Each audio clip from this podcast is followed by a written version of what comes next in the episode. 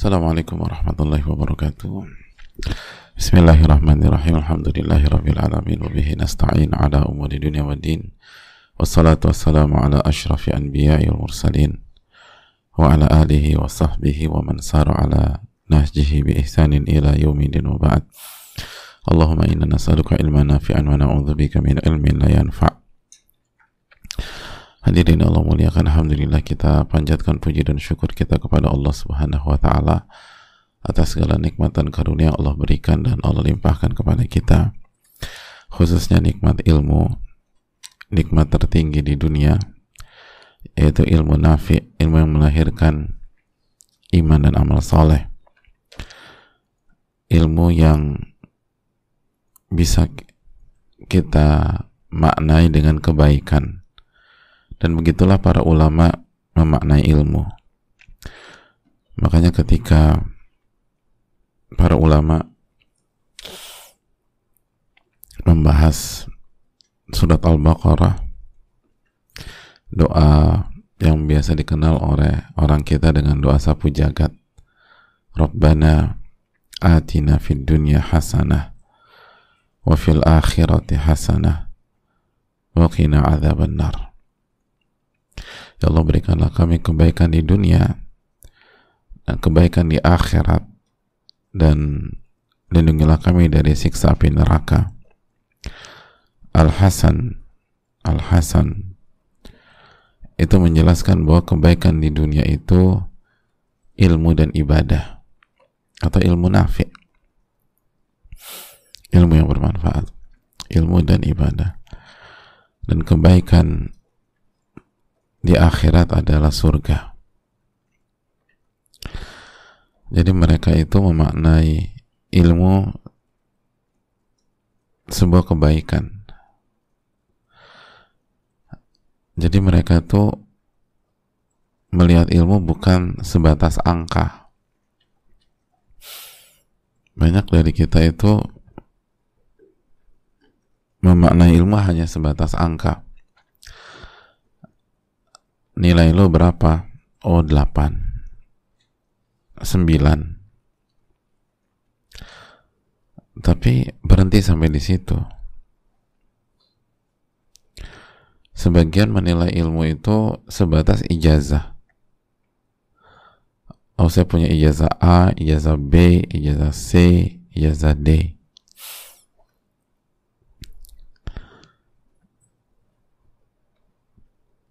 tanpa menguras, mengurangi rasa hormat kita kepada angka, ijazah, dan lain-lain. Tapi ulama klasik kita itu memaknai ilmu dengan kebaikan. Dengan kebaikan. Ilmu itu harus membawa kebaikan. Ilmu itu harus membawa perubahan. Orang tuh jadi lebih baik, berubah jadi lebih soleh atau soleha itu ilmu. Lebih amanat. Karena udah ngaji kitab atau bab amanat. Lebih jujur. Karena udah mengkaji bab kejujuran.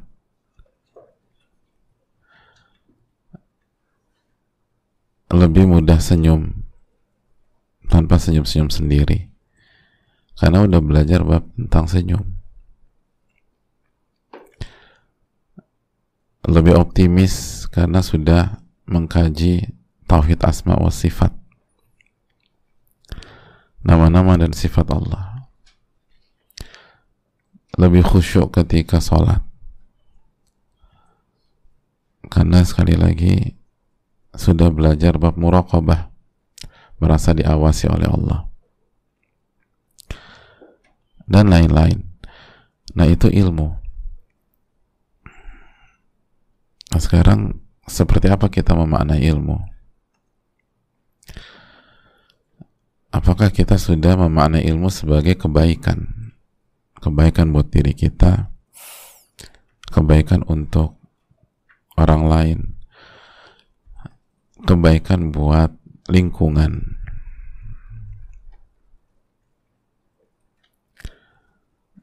karena kan ilmu itu tuh bukan hanya membuat orang tuh jadi baik. Tapi dampaknya itu sampai ke hewan hadirin. Sampai ke binatang yang ada di lingkungan itu. Makanya kan orang-orang yang punya ilmu itu didoakan ampunan oleh para binatang yastaghfirulahu man fis samawat wa man fil ard hatta hitanu fil ma kata Nabi SAW didoakan oleh semua yang ada di langit yang ada di bumi sampai ikan-ikan di perairan. Kenapa? karena memang dampaknya sampai ke mereka. Dampaknya sampai ke mereka. Makanya sebuah hal yang perlu dievaluasi kalau kita nih semangat belajar, semangat ikut kajian, jangankan hewan, pasangan kita aja nggak dapat kebaikan kita. Nah ini ada masalah. Istri atau suami kita nggak dapat kebaikan kita. Nah, ini hal yang miris anak-anak nggak dapat kebaikan kita.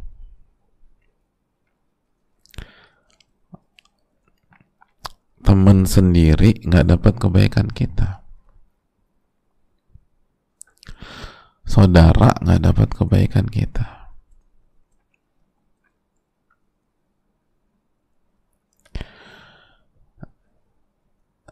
Jadi beda makna sering kali kita nih. Kita ini baru memaknai ilmu sebagai sebuah hafalan. Sebatas pemahaman. Walaupun hafalan sama pemahaman sangat penting loh hadirin. Tapi nggak boleh berhenti sampai di sana. Memahami ilmu sebagai retorika atau ajang atau alat perdebatan alat debat mah pakai ilmu. Dulu lama klasik itu memaknai ilmu simple sederhana. Al hasanah fid dunia. Kebaikan. Kebaikan. Orang tuh semakin belajar semakin baik. Itulah ilmu jadi ini kita harus selalu evaluasi diri, selalu introspeksi diri. Semua kita, apalagi yang bicara, apakah kita udah jadi lebih baik atau belum? Sudah menjadi lebih bermanfaat atau belum? Sudah mengalami perubahan dari segi kebiasaan, habits atau belum? Karena ilmu itu kebaikan. Sesederhana itu. Ngarwut-ruwut ilmu itu kebaikan. Goalsnya jadi baik di dunia dan di akhirat. Makanya kata Sufyan At-Thawri kan simpel innama yutlabul ilmu liyuttaqallahu bihi. Ilmu itu dipelajari untuk bertakwa kepada Allah. Untuk bertakwa.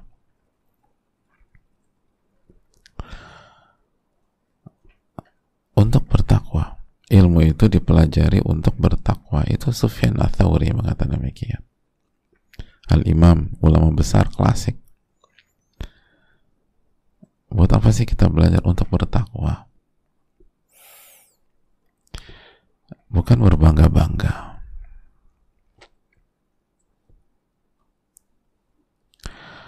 Allah Ta'ala misawab dan ini yang diyakini oleh para ulama klasik kita. Tadi disampaikan Al-Hasan dibawakan oleh Imam Al-Ajurri Al-Imam Al-Ajurri mengatakan hal ini. Oleh karena itu hadirin yang Allah muliakan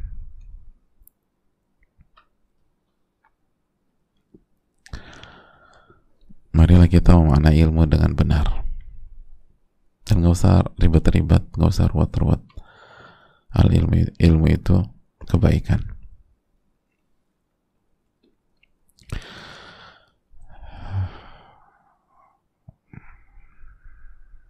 Makanya sebagian uh, penuntut ilmu ketika ditanya kamu tuh belajar di sini buat apa? Simpel ya pengen jadi orang baik gitu. Pengen jadi orang baik. Justru jawaban yang sederhana itu tuh kalau disampaikan dengan jujur ya itulah orang yang mengerti hakikat ilmu. Itu orang mengerti hakikat ilmu. Oleh karena itu marilah kita kembali menundukkan makna dari ilmu dan setiap selesai kajian tuh bercermin nanti besok kajian lagi ah bercermin lagi nanti bercermin ada cermin nggak di rumah nih hadirin ada ya? Ada enggak? Alhamdulillah. Saya ini udah berubah atau belum? Udah jadi lebih baik atau belum? Udah lebih takut belum sama Allahnya? Udah lebih ikhlas atau belum? Udah lebih jujur atau belum? Itu aja udah. Itu yang perlu kita camkan. Allahumma inna nas'aluka ilman nafi'a wa na'udzubika min ilmin la yanfa. Hadirin berikutnya kuatkan syahadatin kita la ilaha illallah wa anna muhammadar rasulullah lalu perbanyak salawat dan salam kepada Rasul kita, Nabi kita, Sayyidina Muhammadin wa ala alihi wa sahbihi ajma'in. Hadirin kembali bersama Riyadus Salihin karya Al-Imam Yahya bin Sharaf bin Murri Abu Zakaria An-Nawawi semoga Allah merahmati beliau orang tua beliau, keluarga beliau dan semoga Allah merahmati seluruh kaum muslimin seluruh semoga Allah merahmati seluruh umat Islam. Jamaah sekalian dan semoga kita diberikan ilmu nafi. Amin ya alamin. Hadirin dengan berakhirnya hadis Abdullah bin Zubair berarti berakhirlah bab amanah. Nah, sebelum kita masuk ke bab baru, uh, kita harus terus mengokohkan karena ternyata amanah itu luas sekali hadirin. Semua yang Allah perintahkan dan Allah larang itu ternyata amanah. Kan gitu. Masih ingat tafsir Al-Ahzab 72 yang sudah kita bahas. Inna aratna al-amanata على السماوات والأرض والجبال فأبين أن يحملنها وأشفقن منها وحملها الإنسان إنه كان ظلوما جهولا. ya kan masih ingat kan? inna aratna al-amanata ala samawati wal ardi wal jibal فأبين أن يحملنها وأشفقن منها وحملها الإنسان إنه كان ظلوما جهولا sesungguhnya kami menawarkan amanat itu kepada langit-langit, bumi dan gunung-gunung. Dan semuanya itu enggan hadirin. Apa yang dimaksud amanat?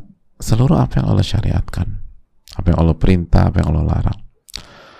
itu makhluk-makhluk yang besar-besar itu tuh enggan untuk memikul amanat. Dan mereka khawatir mengkhianati amanat dari Allah. Dan pada saat itu dipikullah oleh manusia. Nabi Adam mengambil amanah tersebut.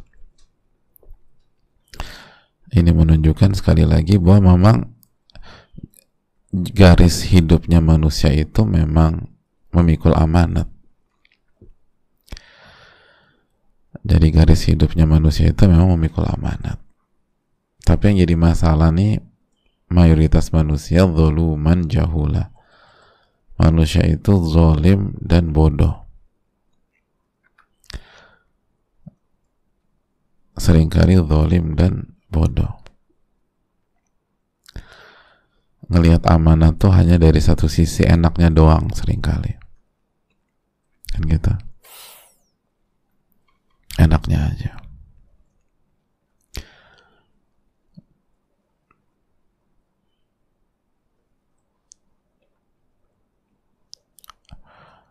Secepat mungkin ingin nikah. Ingin menanggalkan status jomblonya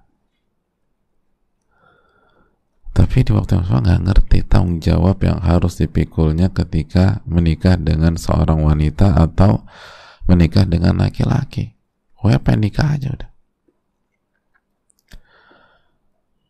Jangankan siap ngerti aja enggak enggak tanggung jawab gue apa ya? Nikah kan nikah aja kali ya. Udah kita jalanin aja. Seperti air mengalir ya tuh nggak bisa mas. Temennya udah nikah pengen punya anak. Semua program ditempuh. Tapi di waktu yang sama nggak ngerti. Besarnya tanggung jawab yang dipikul kalau Allah kasih anak. Betapa besarnya amanat yang harus dipikul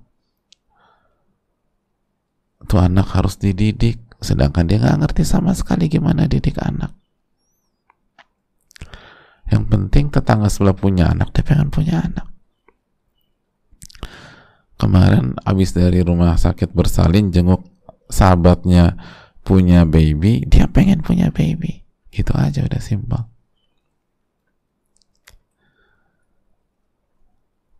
Dan kalau punya anak pengen lucunya doang gitu loh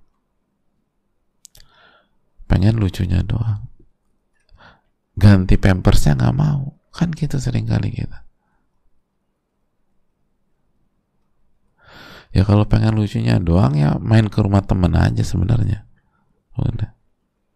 Pas lagi ketawa-ketawa tuh anak nggak main tuh. Habis itu pulang deh pas udah rewel. Gitu. Kan sering kali kita gitu kita tuh pengen itu tadi. Pengen punya uang. Tapi nggak ngerti bagaimana menggunakan uang itu agar tetap amanah. Pokoknya pengen punya duit aja. Gimana cara menghabiskan uang? Eh, aku nggak tahu. Nah, itu kan amanah ya. Itu hadirin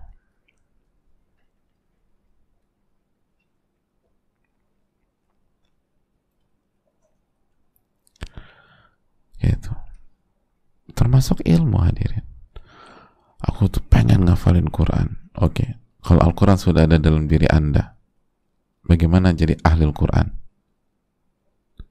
Bisa nggak jalanin amanah sebagai ahli Al-Quran? Itu yang harus kita dan solusinya juga bukan mundur karena memang garis kehidupan manusia itu menanggung amanah. Wa hal insan tapi bagaimana kita berilmu dan adil itu pokoknya.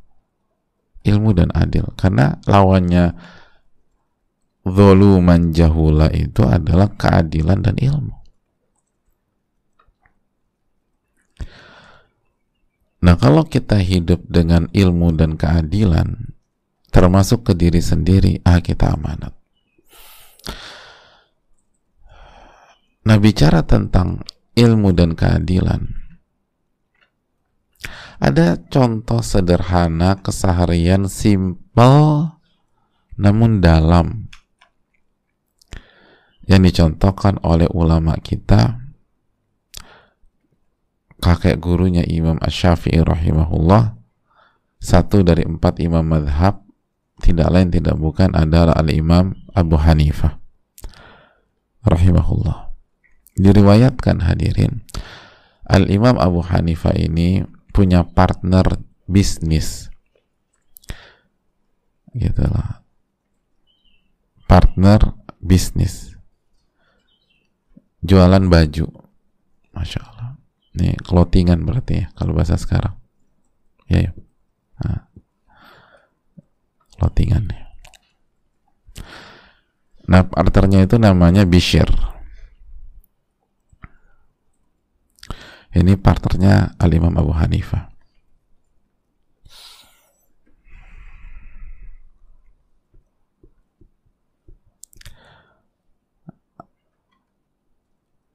Fakharaja Bishr fi tijaratihi bi Misr.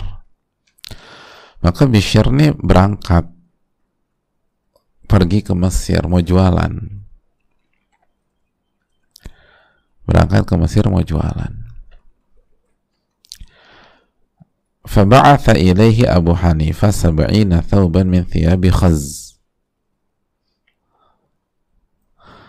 Lalu Abu Hanifah menitipkan sama partnernya 70 baju dari pakaian khaz sambil tulis pesan ke Bishr inna fi thiyabi thawba khazzin ma'iban atau inna fi thiyabi thawbi khazzi ma'iban bi alamati sesungguhnya di baju-baju ini itu ada cacatnya. Ada aibnya. Nggak ini nggak sempurna nih baju. Mungkin ada jahitannya begini ada jahitannya begitu mungkin agar ada belel pokoknya ada cacatnya فإذا بِعْتَهُ فَبَيِّنْ لِلْمُشْتَرِي الْعَيْبَ Kalau Anda jual baju-baju tersebut, tolong jelaskan ke calon pembeli aib-aib itu. Jelasin ya. Dan diam aja. Jadi kalau mau jual, jelasin ke calon pembeli. Bahwa ini baju ada aibnya. Baju ini ada cacatnya. Baju ini ada masalah. Gitu. Lihat bagaimana Al-Imam Abu Hanifah jaga amanat jaga amanat harus dijelasin nanti mungkin ada diskon pengurangan dan seterusnya. Atau udah dimurahin sama Abu Hanifah udah dimurahin tapi harus dijelasin tetap. Ada aib jadi jangan berpikir bajunya murah juga enggak dimurahin karena ada aib faba'a bishar athiyaba kullaha berangkat ya tuh bishar ke Mesir hadirin. Sampai di Mesir jualan dia Alhamdulillah seluruh bajunya Abu Hanifah ludes terjual. Laku. Tanpa tersisa satupun baju. Setelah ludes dan laku kembalilah Bishar ke Kufah pulang ke Kufah berhasil laku keras Begitu sampai ke Kufah ketemu Abu Hanifah hadirin. Lalu Abu Hanifah rahimahullah bertanya, Hal bayyanta dhalika al-aib alladhi fi thabil khaz? Wahai Abu Hanifah, Alhamdulillah laku keras, semua ludes. Nah pertanyaan Abu Hanifah adalah apakah kamu sudah jelaskan bahwa baju-baju itu ada cacatnya? Ada jelaskan belum aibnya ketika ngejual? Lihat ya. Itu pertanyaan Abu Hanifah. Bukan untung berapa kita nih.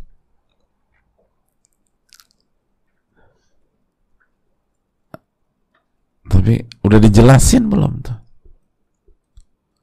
Aibnya. Faqala Bishr. Lalu Bishr menjawab, Nasitu dhalikal aib. Saya lupa jelasin aib itu. Menjual aja beliau nih. Lupa. Nasitu dhalikal aib.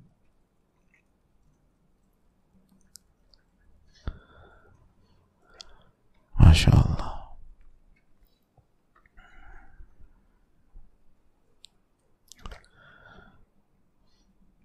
نسيت ذلك العيب lihat ya فقال فتصدق أبو حنيفة بجميع ما أصابه من تلك التجارة الأصل الفرع جميعا begitu mendengar keterangan di syar Abu Hanifah langsung mensedekahkan seluruh hasil penjualan dari baju-baju tersebut. Modalnya untungnya disedekahkan semua. Modalnya dan untungnya semua disedekahkan. Wa kana nasibuhu min dzalika alfa dirham akhirnya harus belum sedekahkan seribu dirham kemarin kalau kursnya 195 ribu berarti 195 juta gitu ya kalau 85 ribu 85 juta وقال مال قد دخلت فيه الشبهة فلا حاجة لي فيه فلا حاجة لي به ini harta udah bercampur dengan syubhat Saya nggak punya hajat dengan harta seperti ini. Saya nggak ada kepentingan dengan harta seperti ini. Saya nggak butuh dengan harta seperti ini ya Abu Hanifah. Harta ini udah bercampur syubhat. Saya nggak butuh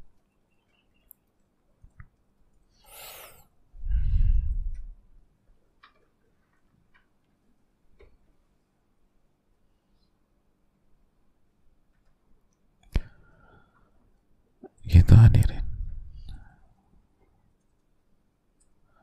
Masya Allah. Lihat. Simple, sederhana, tapi dalam. Potret tentang jaga amanat. Hadirin.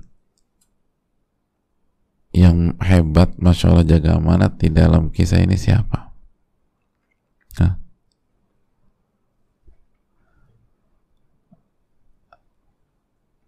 Dua-duanya coba dengan porsi yang beda. Lihat al imam Abu Hanifah jualan baju clothingan. Kasih tahu ini ada aib di sini. Ada aib. Kami jual gitu aja. Amanat. Allah tahu ada aib Mungkin penjual eh pembelinya nggak ngerti. Buktinya laku semua nih. Bisa jadi itu pembeli ngerti tapi tetap dibeli, bisa jadi nggak ngerti. Akhirnya beli. Tapi kan Allah tahu jamaah.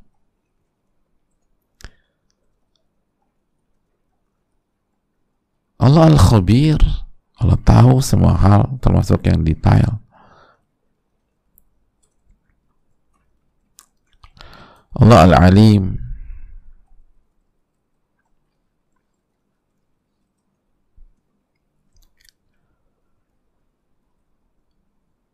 Allah tahu.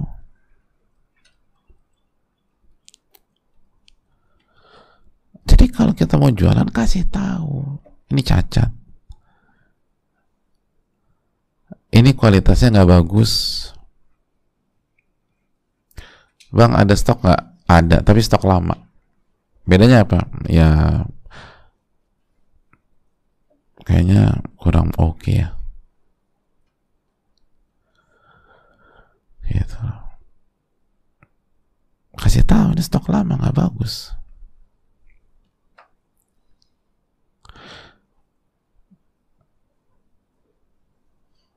Saya lagi cari barang ini. E, ada tapi e, kualitasnya di bawah mau nggak? Di bawah. Ini harganya berapa? E, ini murah. Lo kok bisa murah? Ya ada harga ada barang sih mas ini kurang begitu bagus terus yang bagus yang mana ah toko sebelah bagus ini kita lagi nggak dapat barang bagus itu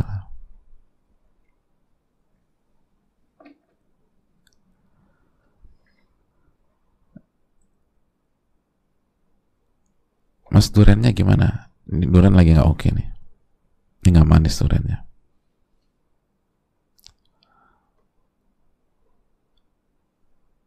Yang manis yang di mana ya kira? Ah, itu di ujung itu, Mbak. Lagi bagus-bagus tuh. Kamu ke sana aja. Uh, partneran ya? Enggak, gitu. Ya kan kamu nanya yang bagus. Nah, di situ bagus. Amanah gitu hadir. Nanti berkah deh hadirin. Berkah. Orang tuh kalau amanah dijaga sama Allah. Jadi kasih tahu. Makanya tolong kasih tahu ini bajunya cacat. Gak apa-apa jual baju yang ada masalah gak masalah, tapi kasih tahu. Dia mau beli alhamdulillah nggak beli nggak masalah atau mungkin dia beli ditawar lagi ini kan cacat ya udah deal dealan aja tapi amanat kasih tahu dan lihat bagaimana Abu Alimah Imam cross check lagi. Gimana? Udah dijelaskan belum? Ya, cross check lagi. Eh benar lupa bishirnya. Tapi bishir juga amanat. Begitu lupa kasih tahu Abu Hanifah rahimahullah nggak diem aja.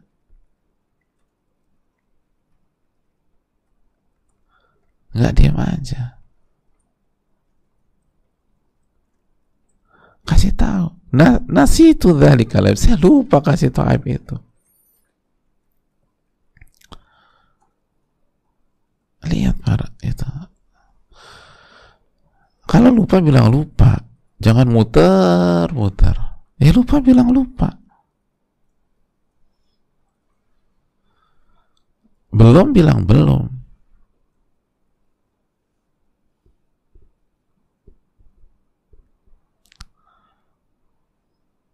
Jangan belok sana, belok sini, muter-muter.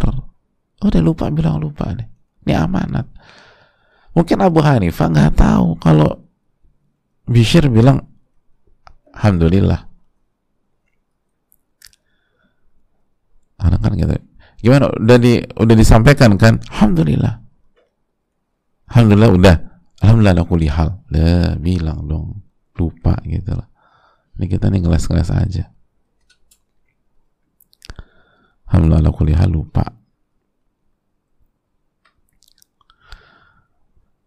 Karena Allah maha mengetahui. Mungkin yang nitip yang yang kasih pesannya nggak tahu kalau kita bohongin dia. Tapi Allah tahu. Allah tahu.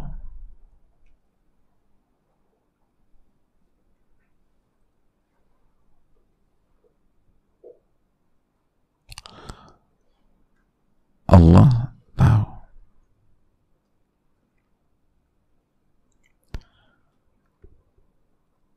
Bisa mengatakan nasi itu hadalah saya lupa. Dan lihat bagaimana sikap Al-Imam Hanifah. Disedekahin semua. Walaupun konsekuensinya rugi. Rugi. Ada ada sedekah sedekah.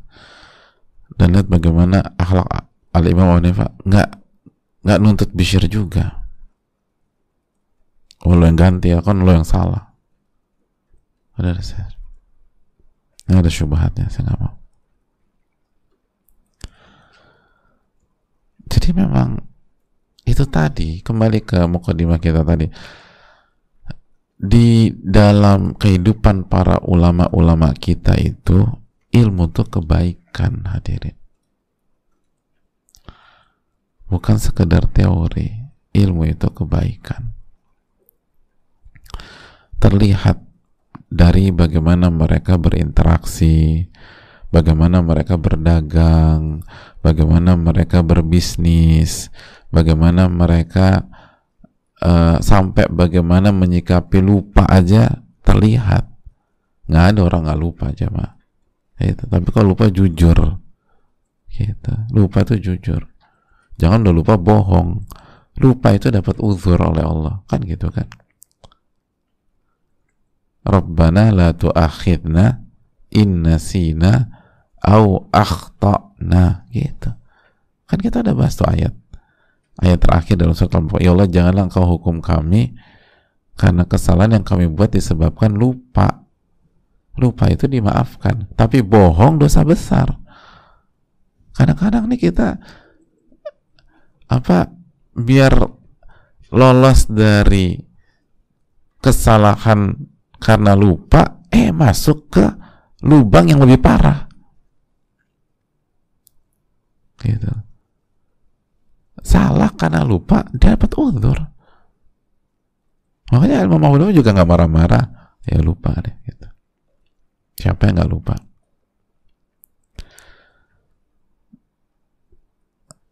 Tapi jangan bohong. Bohong dosa besar. Jangan bermain jangan berkelit jangan jangan tricky. Udah lupa bilang lupa.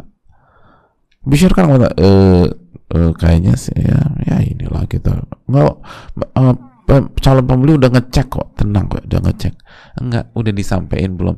Nggak dia cek dulu udah coba. Di fitting room udah cek udah oke. Okay. enggak antum udah anda udah sampaikan belum? Enggak kayaknya dia suka kok dia suka sama modelnya. Udah sampaikan belum? Hmm, belum. Ya udah dari tadi kayak bilang belum. Ngapain muter-muter? Itu calon pembeli suka lah antusias lah seneng lah nggak perlu muter-muter gimana udah disampaikan belum ini baju aib Alhamdulillah semua juga tahu lah Abu Hanifah nggak ada karya manusia yang sempurna loh kok berfilosofi itu loh Sampein aja, udah disampaikan belum aib apa enggak? Ngapain bicara? Gak ada karya manusia yang sempurna. Saya yakin pembeli bijak dalam menilai sesuatu. Lo ngapain ngomong begitu, mas, mas? Ini mau jualan atau mau kajian hikmah? Agak bingung. Pertanyaannya udah disampaikan belum? Kalau itu sih belum. Ah itu poinnya Kenapa nggak disampaikan? Lupa. Eh bilang dari tadi dong lupa. Gak usah bilang pembeli juga mengerti bahwa karya manusia pasti ada kekurangan, pasti ada khilaf. Jadi hadirin Allah muliakan. Itu amanat. Orang mungkin nggak tahu kalau kita bohong Orang main percaya aja kalau kita bohong, tapi Allah tahu apa enggak? Allah tahu.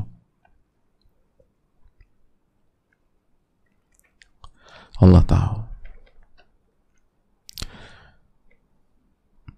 Makanya tauhid mereka itu memang tauhid real ya. Tauhid mereka itu benar-benar hidup gitu loh dalam kehidupan. Nggak hanya teori aja. Lalu Imam Ado meninggalkan semua hartanya. Hasil tersebut nggak, saya nggak mau.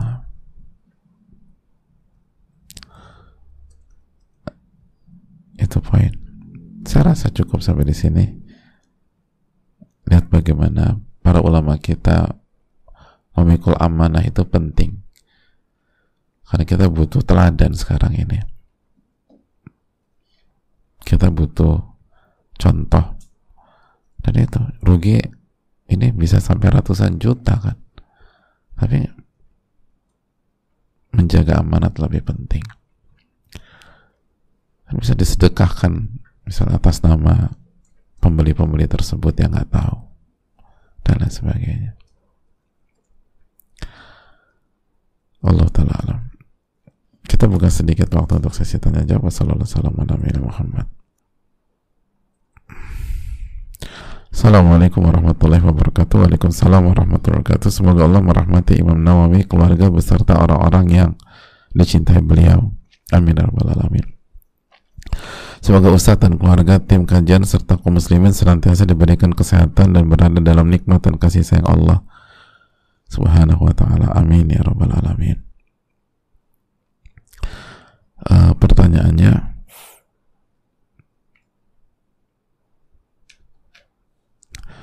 Afan izin bertanya Ustadz, apabila ada seseorang yang berhutang namun tidak punya niat membayar, nominalnya sebenarnya kecil, apakah yang menghutangkan boleh langsung ikhlaskan tanpa menagih? Apabila yang menghutangkan mengikhlaskan atau menghalalkan, apakah orang tersebut terbebas dari azab meskipun tidak ada niat membayar? Jazallah khairan kathira. Ya, terima kasih atas uh, pertanyaannya. Hadirin Allah muliakan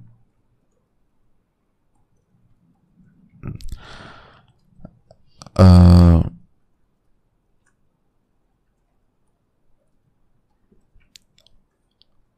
mengikhlaskan hutang adalah sebuah amal soleh yang mulia dan pahalanya besar.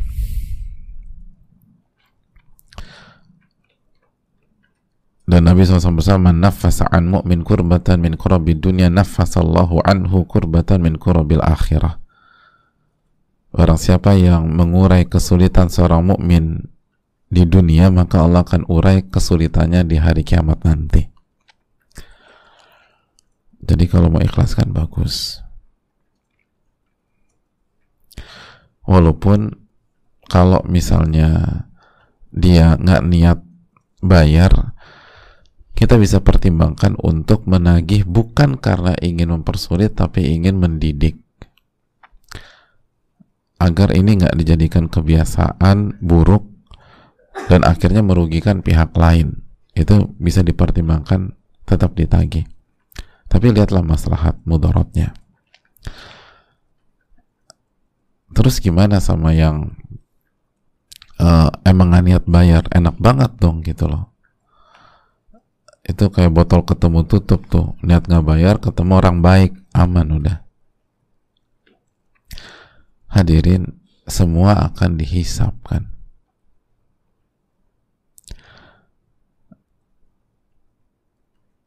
walaupun diikhlaskan tapi kalau Allah lihat niat kita buruk niat kita jahat niat itu dihisap nggak pada hari kiamat? Amalan hati itu dihisap nggak di hari kiamat? Allah berfirman apa dalam surat Al-Baqarah ayat 225 walakin yu'akhidhukum bima kasabat qulubukum. Namun Allah akan menghukum kalian disebabkan apa yang dilakukan oleh hati-hati kalian. Jadi Allah akan hukum kalian disebabkan yang dilakukan oleh hati-hati kalian. Makanya perlu didudukkan. Sebagian kita tuh dari kecil memahami dosa itu atau hal buruk itu baru dicatat sebagai dosa kalau sudah dieksekusi. Tapi kalau niat doang itu nggak berdosa ya nggak sih dulu kita mikirnya gitu? Ya nggak sih? Itu pernah kecil nggak? Dari kecil kan gitu ya. Beda sama amal soleh. Amal soleh itu niatnya pahala. Dikerjain pahala lagi besar. Tapi kalau dosa uh, baru sebatas niat nggak masalah. Tapi eh, dimaafkan gitu ya. Tapi kalau dieksekusi dosa. Nah hadirin Allah muliakan apakah itu benar betul? Jawabannya yang dimaafkan itu kembali ke sabda Nabi mahaddathat bihi anfusuhum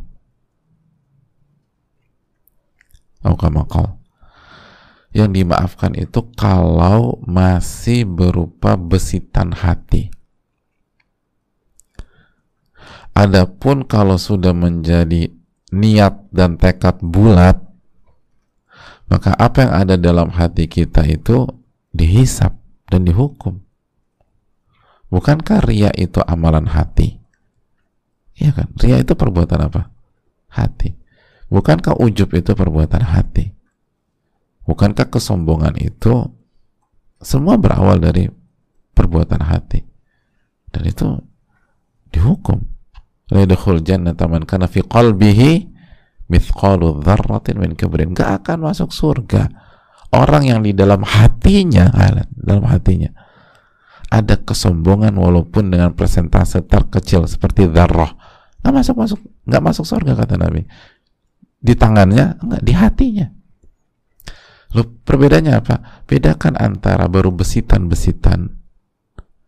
Syaitan kasih was-was, terus kita acuhkan, kita cueki, kita nggak gubris dengan kita respon, lalu benar-benar kita punya niat buruk, perbuatan hati yang buruk dan seterusnya. Lagi pula orang ini bukan hanya niat buruk, tapi sudah di praktekkan buktinya dia nggak bayar-bayar. Ketika ini orang nggak bayar-bayar berarti ini baru sebatas niat nggak mau bayar atau sudah dieksekusi niatnya itu? Sekedar niat atau udah dijalankan udah dijalankan. Buktinya dia nggak bayar-bayar. Berarti ini bukan hanya niat bukan hanya amalan hati lagi. Ini udah dijalanin. Itu berarti ngambil dua orang tanpa hak. Berat hadirin di hari kiamat. Berat. Jadi ini yang perlu ditanamkan. Allah ta'ala alam bisawab Assalamualaikum warahmatullahi wabarakatuh Waalaikumsalam warahmatullahi wabarakatuh Semoga Allah selalu merahmati Imam Nawawi, Ustadz, keluarga, tim, dan seluruh umat muslim di mana pun berada. Amin ya rabbal alamin. Izin bertanya Ustadz, seorang jualan makanan dan satu hari dagangannya ada tersisa dan masih layak dikonsumsi. Kemudian makanan itu dijual lagi besok harinya. Apakah ini termasuk syubhat Ustadz? Mohon pencerahannya Ustadz ya Allah khairan kathiran. Ya terima kasih. Yang pertama kembali ke urf makanan tersebut kembali ke urf makanan tersebut. Kaidah fikih mengatakan al-ma'rufu urfan kal masyruti syarta. Sesuatu yang berlaku urf itu seperti syarat tidak tertulis. Urfnya ini makan ini nggak masalah nggak kalau dijual lagi besok jika nggak habis.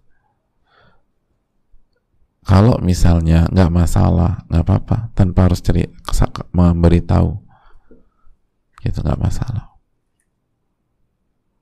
Contohnya apa? banyak banget contohnya. Kerupuk misalnya. Atau jualan kerupuk. Hari ini belum habis besok boleh nggak dijual lagi? Tanpa harus kasih tahu ini sisa yang kemarin kan nggak perlu juga. Tapi juga kerupuk. Gitu loh tapi ada makan makanan perlu dikasih tahu. Perlu dikasih tahu. Makanya kan ada makanan kan makanya expire tuh beda-beda hadir ya kan? Maka ini kasih tahu waktu expired nah itu. Ada makan nggak ada waktu expirednya? Gitu. Banyak lah. Antum jualan korma langsung. Hari ini belum habis besok dijual lagi boleh nggak ya boleh boleh aja. Nggak harus bilang. Ini sisa yang kemarin. Ya semua juga tahu di sisa kemarin. Secara umum misalnya. Jadi nggak semua makanan bisa dipukul rata. Kembali kepada urf dan uh, perbedaan makanan itu masing-masing. Tapi kalau itu makanan yang urfnya tuh fresh, seterusnya, nggak harus di ini. Bahkan sebagian makanan justru yang dicari itu yang bahannya tuh nggak fresh. Bener nggak sih? Contohnya apa? Nasi goreng nasi goreng yang enak nasinya yang fresh bener-bener terus digoreng atau yang udah agak perak-perak gitu ya nah iya kan antum dapat nasi goreng yang itu justru kurang oke okay. itu hadirin kok jadi lapar ada? Pagi-pagi nasi goreng nih. Enak masya Allah. Jadi nasi goreng tuh yang zen itu kan kalau saya salah mau diluruskan ya itu kan yang udah udah agak udah bukan yang baru fresh gitu. Ya, jadi kalau makanya makan nasi sisa tuh enak. Nasi goreng udah enak zen. Kalau nasi sisa kemarin gitu. Allah taala bisa ini bisa disampaikan semoga bermanfaat dan semoga Allah kasih taufik kepada kita. Allahumma inna nas'aluka ilman nafi'an wa na'udzubika min ilmin la yanfa' Rabbana taqabbal minna subhanaka la ilaha illa anta astaghfiruka wa atubu ilaik. Assalamualaikum warahmatullahi wabarakatuh.